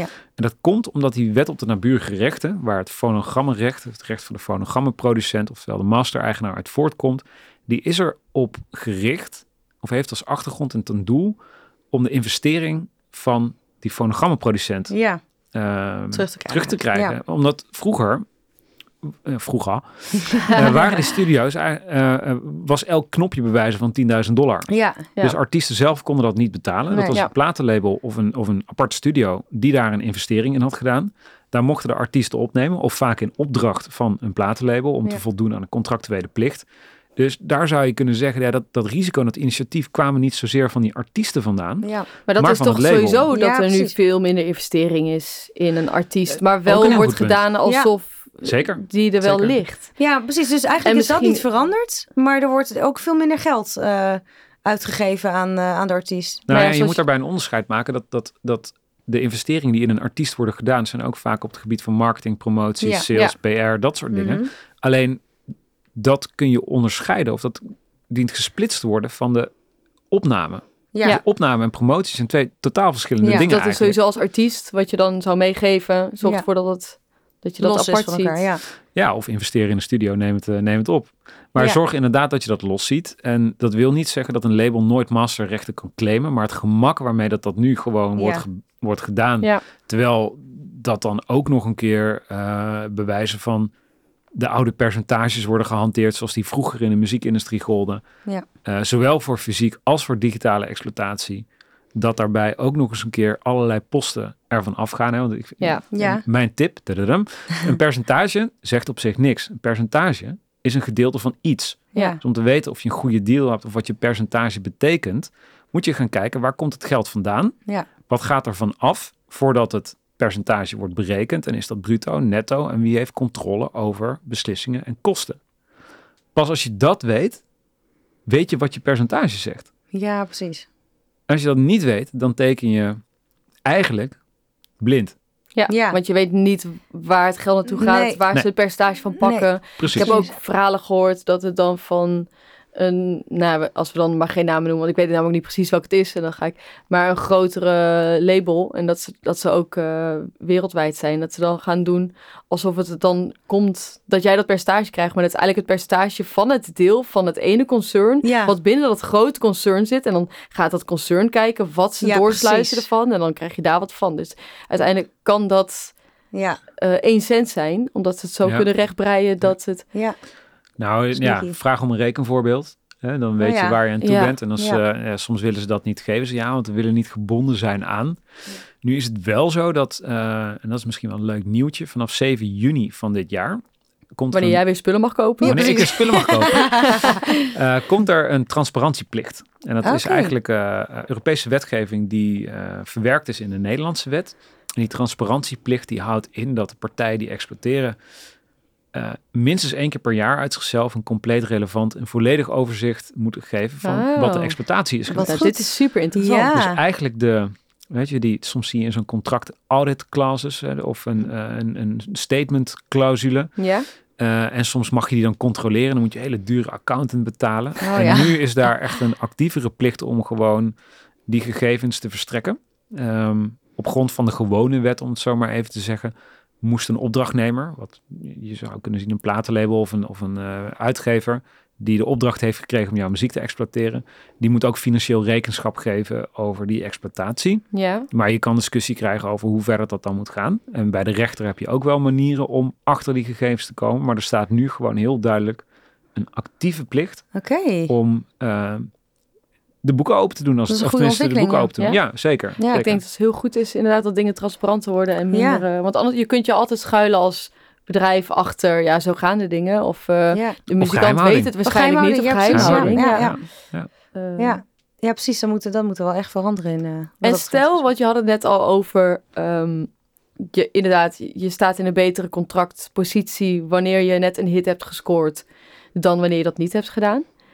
Ehm, maar stel je, je, je hebt een contract bij, je gaat iets tekenen bij een label en jij denkt, eh, ik, ik, ik heb niet zoveel, ik, ben, eh, ik, ben, ik heb nog geen grote hits, ik heb niet zoveel streams. Maar vervolgens heb je niet zo'n goede deal daardoor getekend, want je denkt, nou ja, je weet hoe muzikanten zijn, eh, ik, ik mag niet te veel zeggen. Vervolgens wordt jouw track een ontzettend grote hit, maar je staat er niet zo goed voor. Is er dan iets contractueel, nog, nog een soort van eerste hulp bij contracten te veranderen nog te daarin. regelen dat je de artiest nog wat kan geven? Nou, als het echt uit de pas gaat lopen wel. In Nederland eh, is, is vastgelegd dat je recht hebt op een billijke vergoeding. Ja, Wat dat Oh, ja. dan precies is, is eh, natuurlijk ook een beetje Ja. discutabel. Billijk is een, eh, Ja, billig. Redelijk en een billig. favoriet Dat is, woord in Ja, ja, de lawyer's paradise. Ja, inderdaad. Ja. Ehm, en er is een recht op een bestsellervergoeding. Dus op het moment dat je eh, Oh ja. eh, niet zo heel veel geld hebt gekregen, eh, bijvoorbeeld een fixed fee Ja. eh, voor een relatief laag bedrag, en dat wordt eh, de nieuwe hit, dan eh, kun je daar extra geld voor krijgen. Kijk. dus Oké, maar, zijn maar dat is nog wel, waar ligt de grens dan, toch? Ja, dat, dat is heel moeilijk te bepalen wat, wat, Ja. een, wat een, een bestseller is. Maar als dat echt uit de pas gaat lopen, ja, uiteindelijk kan een geschillencommissie of een rechter daarover oordelen. Ja, precies. Ja, Maar ja, dus, er zijn wel mogelijkheden om eh, super onredelijke contracten open te breken. ja oké. Ehm, en vaak hangt dat dan ook wel samen met een, een ontevreden artiest. Want het gaat niet alleen om dat geld. Maar va- vaak Ja. zie je dan op al op meer vlakken dat het een beetje aan het rommelen is. Ja. En dan eh, komen mensen soms naar mij toe. Oh ja. Nou. dat is sowieso denk ik een hele goeie. Ja, Dus als het echt fout gaat, dat het wel het waard is om iemand in te schakelen. Ja. Het liefst ook daarvoor. ja. Want ehm, de fout achteraf, dat kost je Ja, veel geld. meer. ja, precies. Ja. Moet ik wel zeggen dat als je, als je het hebt over procederen over intellectueel eigendom, is dat in Nederland best goed geregeld.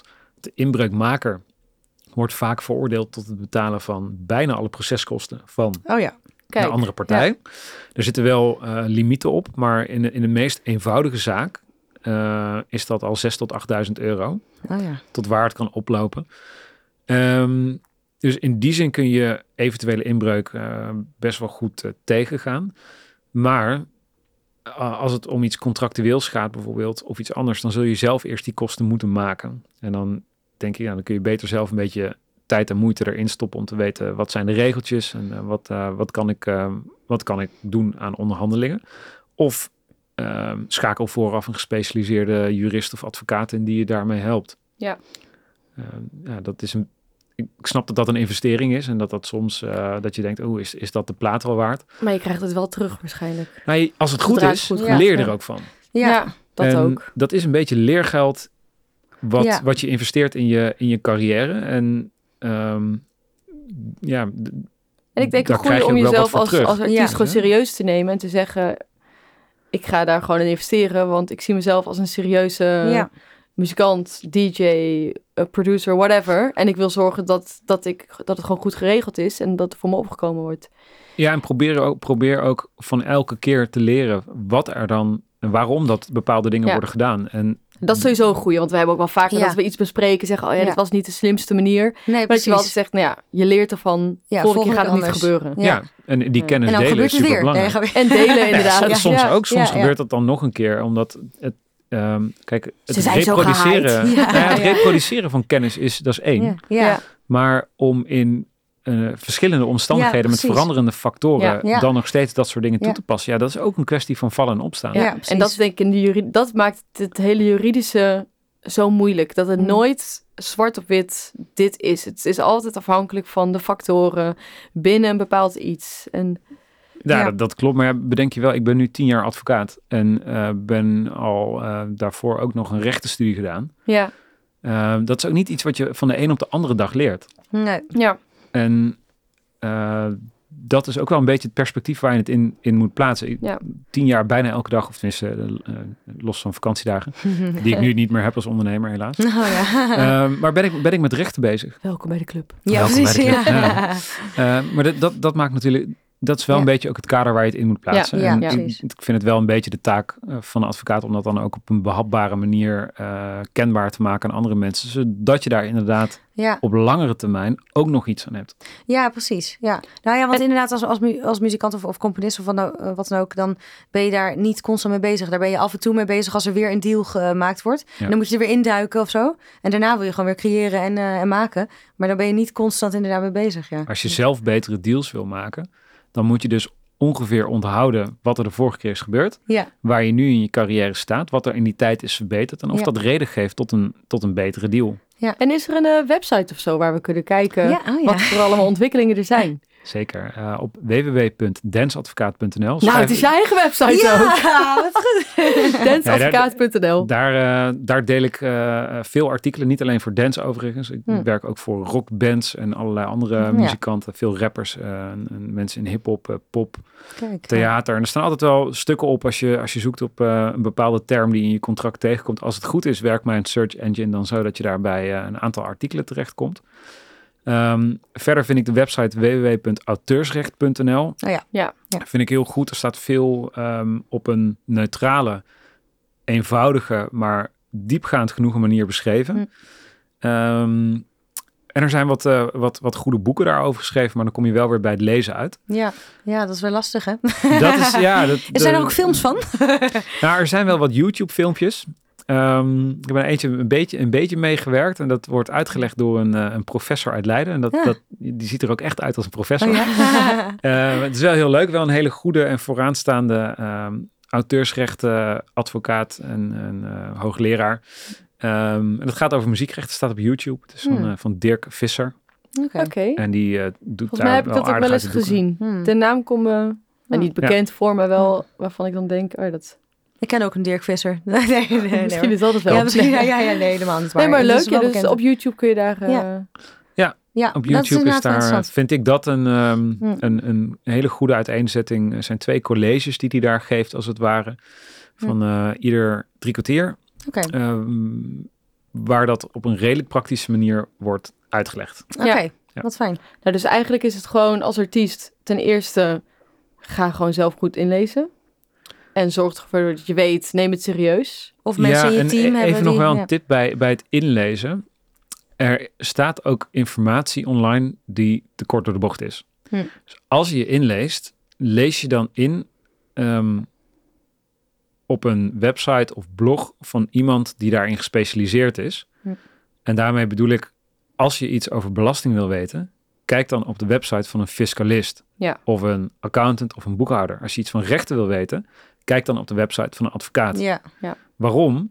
Om onder andere dat advocaten aan tuchtrecht gebonden zijn. Dat advocaten verzekeringen moeten hebben. Ik ben verzekerd, Ja. dat is Ja. een minimale verzekering van een miljoen per jaar. oh.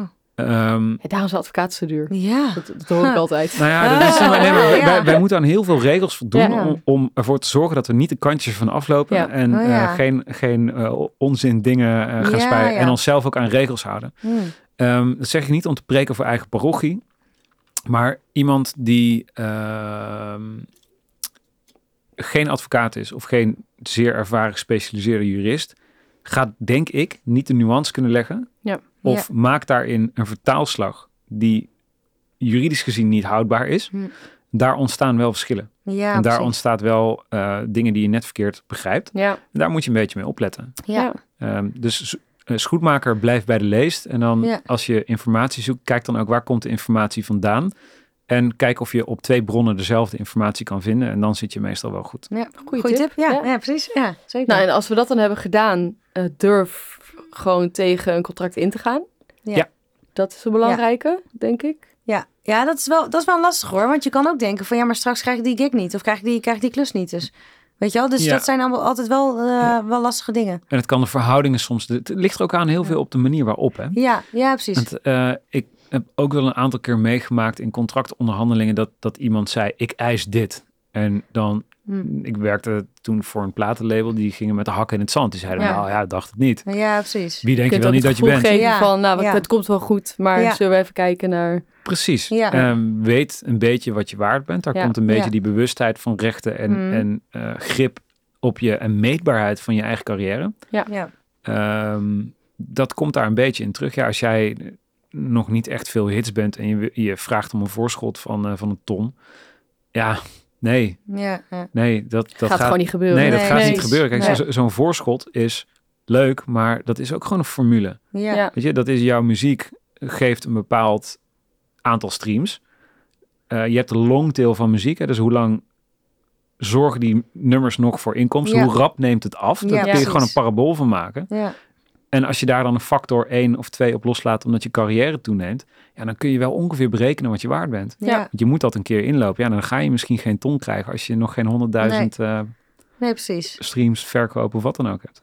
Ja. En dan komen we denk ik bij de derde. Als je dat echt niet zelf wil doen, Dan moet je Ja. jou bellen. Precies, Ja, ja. daar, ehm, ik geef wat tips op eh, eh, nou, dit soort dingen onder andere. Maar Ja. hoe, hoe, hoe kom je nou tot een betere deal? En eh, denk je nou, ik wil mijn vingers er niet aan branden, maar er wel heel veel van leren. En wat ik daarin heb geleerd de volgende keer of zelf toepassen. Of voor deze keer weten dat het in goede handen is. Dan Ja. help ik daar, daarbij. Ehm, ik probeer dat altijd te doen op eigenlijk in drie, drie manieren. Of een soort quickscan. Dan ga je, geef ik je gewoon kort aan wat, er, eh, wat, er, wat ik van het contract vind, wat me direct opvalt. Ga je er zelf mee aan de slag. Hm. Ik kan het ook helemaal voor je uitschrijven. Dus dat je bij wijze van met een blaadje kan gaan zitten in een telefoongesprek of Oh in een ja. videocall of, of live. Hè, van eh, mijn advocaat heeft aangegeven dit en ik zou graag dan dit of dit willen. Of ik doe de onderhandeling. Oh ja. En dat is een soort, eh, ja, gewoon alles. Ja, gewoon oké. Oh ja, en dan kunnen we vinden ook weer op danceadvocaat.nl. Ja, Ja, contactgegevens Klopt. Ja, precies. staan mijn de contactgegevens op. En, Ja, eh, kom- ja. Ja. Inderdaad. Nou, ik denk dat we dan nog eh, één vraag hebben. Ja. Tenzij jij nog iets heel eh, N- dringends, maar dat kan ook zo meteen ja. nog. Ja, precies. Eh, we hebben altijd een rubriek en dat is de trend die niet went. De trend die niet went. Waar wij trends bespreken binnen de muziek waar wij maar niet aan wennen. Eh, zie jij zo'n trend die niet went binnen jouw werkveld? Ja, ik, had- ik had er ik vond het een hele leuke vraag. en ik had er een aantal. Ehm, ik vind een trend die niet went, is producers te weinig betalen. Ja. Ja. Oh, ja. Ehm, zeker in eh, eh, muziek waar tekst en muziek bij elkaar komen. En met name bijvoorbeeld in hip-hop. Er is geen rap zonder muziek. Nee, de muziek, de beats, zoals Ja. gaat Ja. noemen, dat oh, is... ik, ja, daar daar wilde ik eigenlijk ook nog even iets over vragen. Ja. ja, want inderdaad, producers die, die komen, wo- worden vaak ook niet meegenomen in het, in het recht of in, het, eh, in, de, in de auteursrecht. Of, eh, of in ieder geval, daar kan je, kan, je, kan je voor kiezen. Maar vaak toch de componist en tekstschrijver. Nou, de, de, de vraag is, wat is een producer? Ja. Wat is een producer juridisch gezien? Hm? Dus iemand die maakt een compositie, die speelt hem in en die neemt hem, die neemt hem op. En ook al maakt dat onderdeel uit van de hele track. ja, maar dan ben je componist-producer toch? Niet alleen maar de... Ja, ja, Ja, ja, er is dus inderdaad. Maar wat, wat is dus een producer? Ja, Producer is niet iets wat in de wet staat. Dus je moet dat Hm. gaan toepassen Ja. op wat er wel in de wet staat. En wat er wel in de wet staat, zorgt ervoor dat je als producer wel of geen rechten hebt. Ja. Ehm, maar in veel gevallen is, eh, als iemand het alleen de opname begeleidt, Ja. ja. dan kun je je afvragen in hoeverre creëert dat een recht. Maar Ja. eh, als je het hebt over bijvoorbeeld hip-hop producers, Ja, die Eh, maken echt wel... Ja, ja. Ja. die maken een heel groot ja. deel van de muziek. En in, Ja. in, in eh, Dan ben je elektronische muziek is dat ook. componist. Ja. Dan ben je ook Een componist. Dus, arrangeur, ja. ja. Ja. Ja. dus dat hangt heel erg af van eh, hoe kun je het nou juridisch duiden wat jij precies doet. Ja, Creëert dat een recht of niet? Oké. Ja, nee, precies. Daar, daar hangt hij vanaf. Nou, Ja. dat, is, dat is één. Ja, Ja? mooi. Twee, wat nooit went, is onderhandelen met Amerikanen. Oh ja. Leuk. Nou, bij mij eh, ben de Amerikanen sowieso gewoon niet. Nee. Ik vind dat, eh, nou, dat Oh, is, ja. dat, dat, Het is toch echt een culture eh, de schellen eh, vallen shock, van ja. mijn ogen. En wat Ja. is het? Waar- nou, ik, wat- ik, werkte, ik werkte voor een, een Nederlandse artiest aan eh, Billboard nummer 1 albumdeal ergens in Amerika. Ja. En zij hadden daar gewoon in staan hè, een naamsvermelding, hoe dat het eh gecredit moest worden. Dat gebeurde niet. Dus ik stuurde een mailtje Oh. van, joh, eh, niet om het een of ander, maar Wel om het Je- ander. Ja. En je scant nu je eigen contract en of je dat even heel rap kan fixen. Ja. Moeilijk, moeilijk, moeilijk. Op een gegeven moment, na veel heen en weer en dreigen met rechtszaken, stapte de partner van echt zo'n New Yorks advocatenkantoor in, Ja, à je ze op Netflix ziet. Oh, 1000 of ja. 1500 dollar per uur. Ja. En die zei simpelweg een mailtje, maybe you should reconsider your bravado. Punt. Your what? Je, je- misschien moet je even je grote bek houden. Oh, Oh, what? Ja. nee joh. Ja, dat, dat was het. Ik ben gewoon Ja, aan het ja, luisteren. inderdaad. Dat, ja. dat was het. Nee, dat, dat was zijn eigen En dan was het contract. gewoon klaar Dat is mee? eigen contract. En zijn eigen contract. En, en wat Hè? zijn cliënt schond. En waar ik iets van zei. En dat hij gewoon zei, gast. Oh, nou ja, zeg. En, maar Dat- heb je daar, is dat dan, kun je daar nog iets mee? Of is het gewoon... Nou, ik vanuit Nederland niet. Nee. Oké. dat, ehm, even los van dat ze de, tegen de uurtarieven die wij hier rekenen, nemen ze je daar gewoon niet serieus. Oh nee. Ja. Oké. Ehm, dus ik ben toen naar een andere New Yorkse eh, eh, gorilla gegaan. Echt zo'n Mm. gast, als die met zijn hand op de tafel slaat, Ja. dan, dan weet je Oh, dat ja. het iets is. Maar Ja. ja, dat, dat was ook 750 dollar per uur. Oh. Aftikken. En die zei, Ja. eh, nou, eh, en, hè, maybe you should weer... Maar dan ja. nog wat harder en wat... eh, Ja. Maar dan, dan, dan, ja, vanuit hier kon je daar weinig aan doen. Dus ik vond Ja. dat, dat, dat werd nooit. En Ja. dat is niet de eerste keer dat ik het meemaakte. Ja. het, het derde is dat eh, taalkennis en taalkunde, wat zo hard achteruit gaat bij jongere mensen. Oh ja. ja. Oh ja. Eh, ook studenten, ook mensen die solliciteren of afstuderen. Dat je denkt, wow. Oh ja. Ehm, kijk, ik ben, Wow. veel, ik, ik, ben, Ja. ik ben voor mijn werk veel met taal bezig. En. Ja. bij mij is het een soort kunde om dat zo goed mogelijk en zo duidelijk mogelijk uit te drukken. En daar hoort ook bij dat dat eh, een beetje professioneel moet overkomen. Dat wil niet Ja, zeggen dat het formeel hoeft te zijn, maar het moet wel kloppen. Ja. Ja. En nu denk ik, nou ja, heel vaak, oké. hmm. Oh ja. Ehm, mensen die eigenlijk een, een hele betoog was, hoe dan? Ja. dat, je, de- dat je denkt, dit is niet eens een zin. Oh, echt? en je kan het hier ook niet op toepassen. Nee. Eh, Nee. het, is een vraag. En geen, nou, ja, nou, dat went niet. Oh, oké, dat gaat En? ja. De laatste, ehm, wat ik, ik, weet, ja, ik, ik weet niet of dat, eh, nou ja, ik vind het wel een trend, is dat ehm, partijen heel vaak ook inkomsten willen hebben over non-recording inkomsten of andersom over plateninkomsten. Dus ze willen eigenlijk, is de 360 deal weer terug, Ja. zonder dat ze er iets voor doen. Ja. Ja. precies. Ja. En En waarom is die terug? Omdat Ja. ze gewoon denken, we komen er wel Geld. mee weg? Ja, geld, Ja, ja, het- ja. sowieso. En inderdaad, ook Money we makes komen the er world weg go misschien, round. Ja, zo van, ja, eh, maar ja. Dat, dat, en ik vind dat ergens gek, want Ja. eh, weet je, dit, eh, of iets terecht is of niet, of hoe dat je daarover zou moeten onderhandelen. Ik vind dat een meetbaar ding. Ja. En als je zegt, nou ja, omdat wij jouw plaat hebben uitgebracht, krijg jij meer optredens.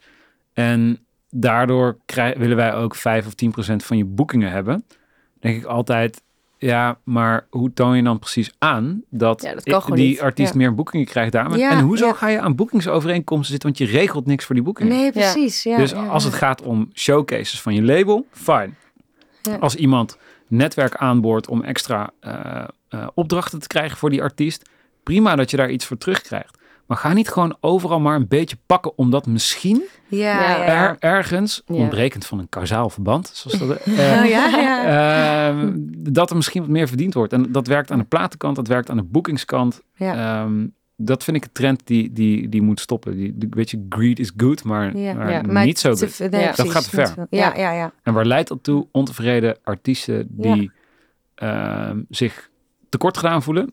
Ja. Daar krijg je gedonder van. Ja. En dat is slecht voor je Het naam. Dus ook als label eh, adviseer Ja. ik vaak, doe, Ja. doe dat gewoon niet. Ja. Nee, precies. Nou, dat was het. Oké, Nou, Wauw, wat een Wat- trends ja, die. We houden wel van een goede trend die ja, niet went. Die niet went, ja, precies. waren, was een goed Ja. lijstje. Ja. ja. Ja, top.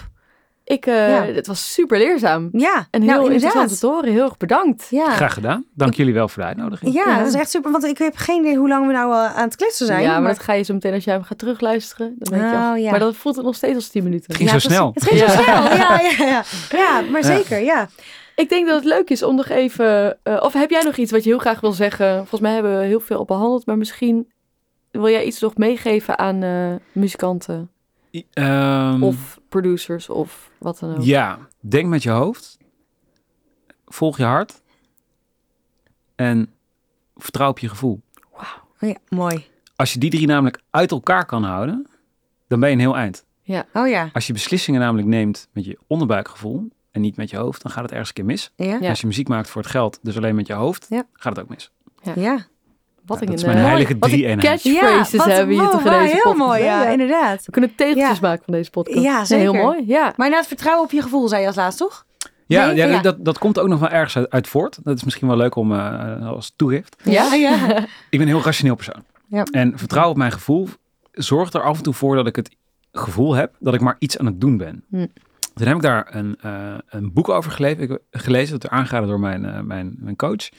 En dat boek is van Ab Dijksterhuis. En dat heet Het Slimme Onbewuste.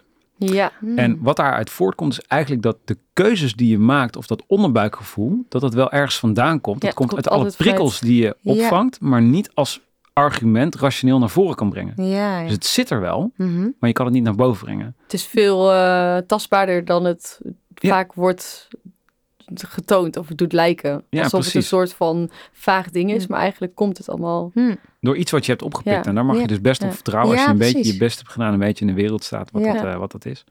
Dus dat is intuïtie dan eigenlijk? Of...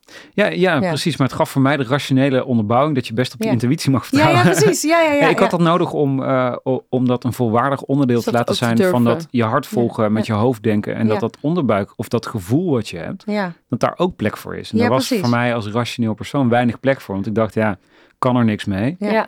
Ja, ja. Maar het is er wel. En het Ja. komt dus ook ergens vandaan. Dat Ja, vond ik heel precies. fijn om te Mooi. Ja, heel he- mooi. Heel Ja. mooi. Nou, we gaan echt, we hebben echt veel geleerd. we eh. hebben zoveel geleerd. ja. En we hebben dus, eh, normaal hebben we altijd nog wat andere rubrieken erin. Ja. Eh, en van, vandaag dachten we, laten we de track van de week. Van de week. Ja, dat doe ik vaak, hè. Vind ik moeilijk. Week. Half, zo'n K3-versie. Dat je Ja. half Engels, half Nederlands, Ja, dat kan ik nooit zo goed. De track van de week. ja. Eh, en eh,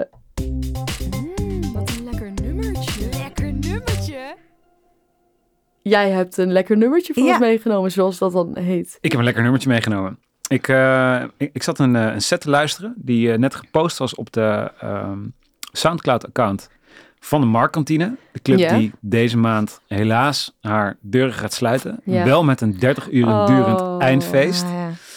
Ehm, en daar draaide, of tenminste in- in die set, dat was een set van, van Collet of Colle, ik weet niet precies hoe ik het uitspreek, C-O-L-L-E.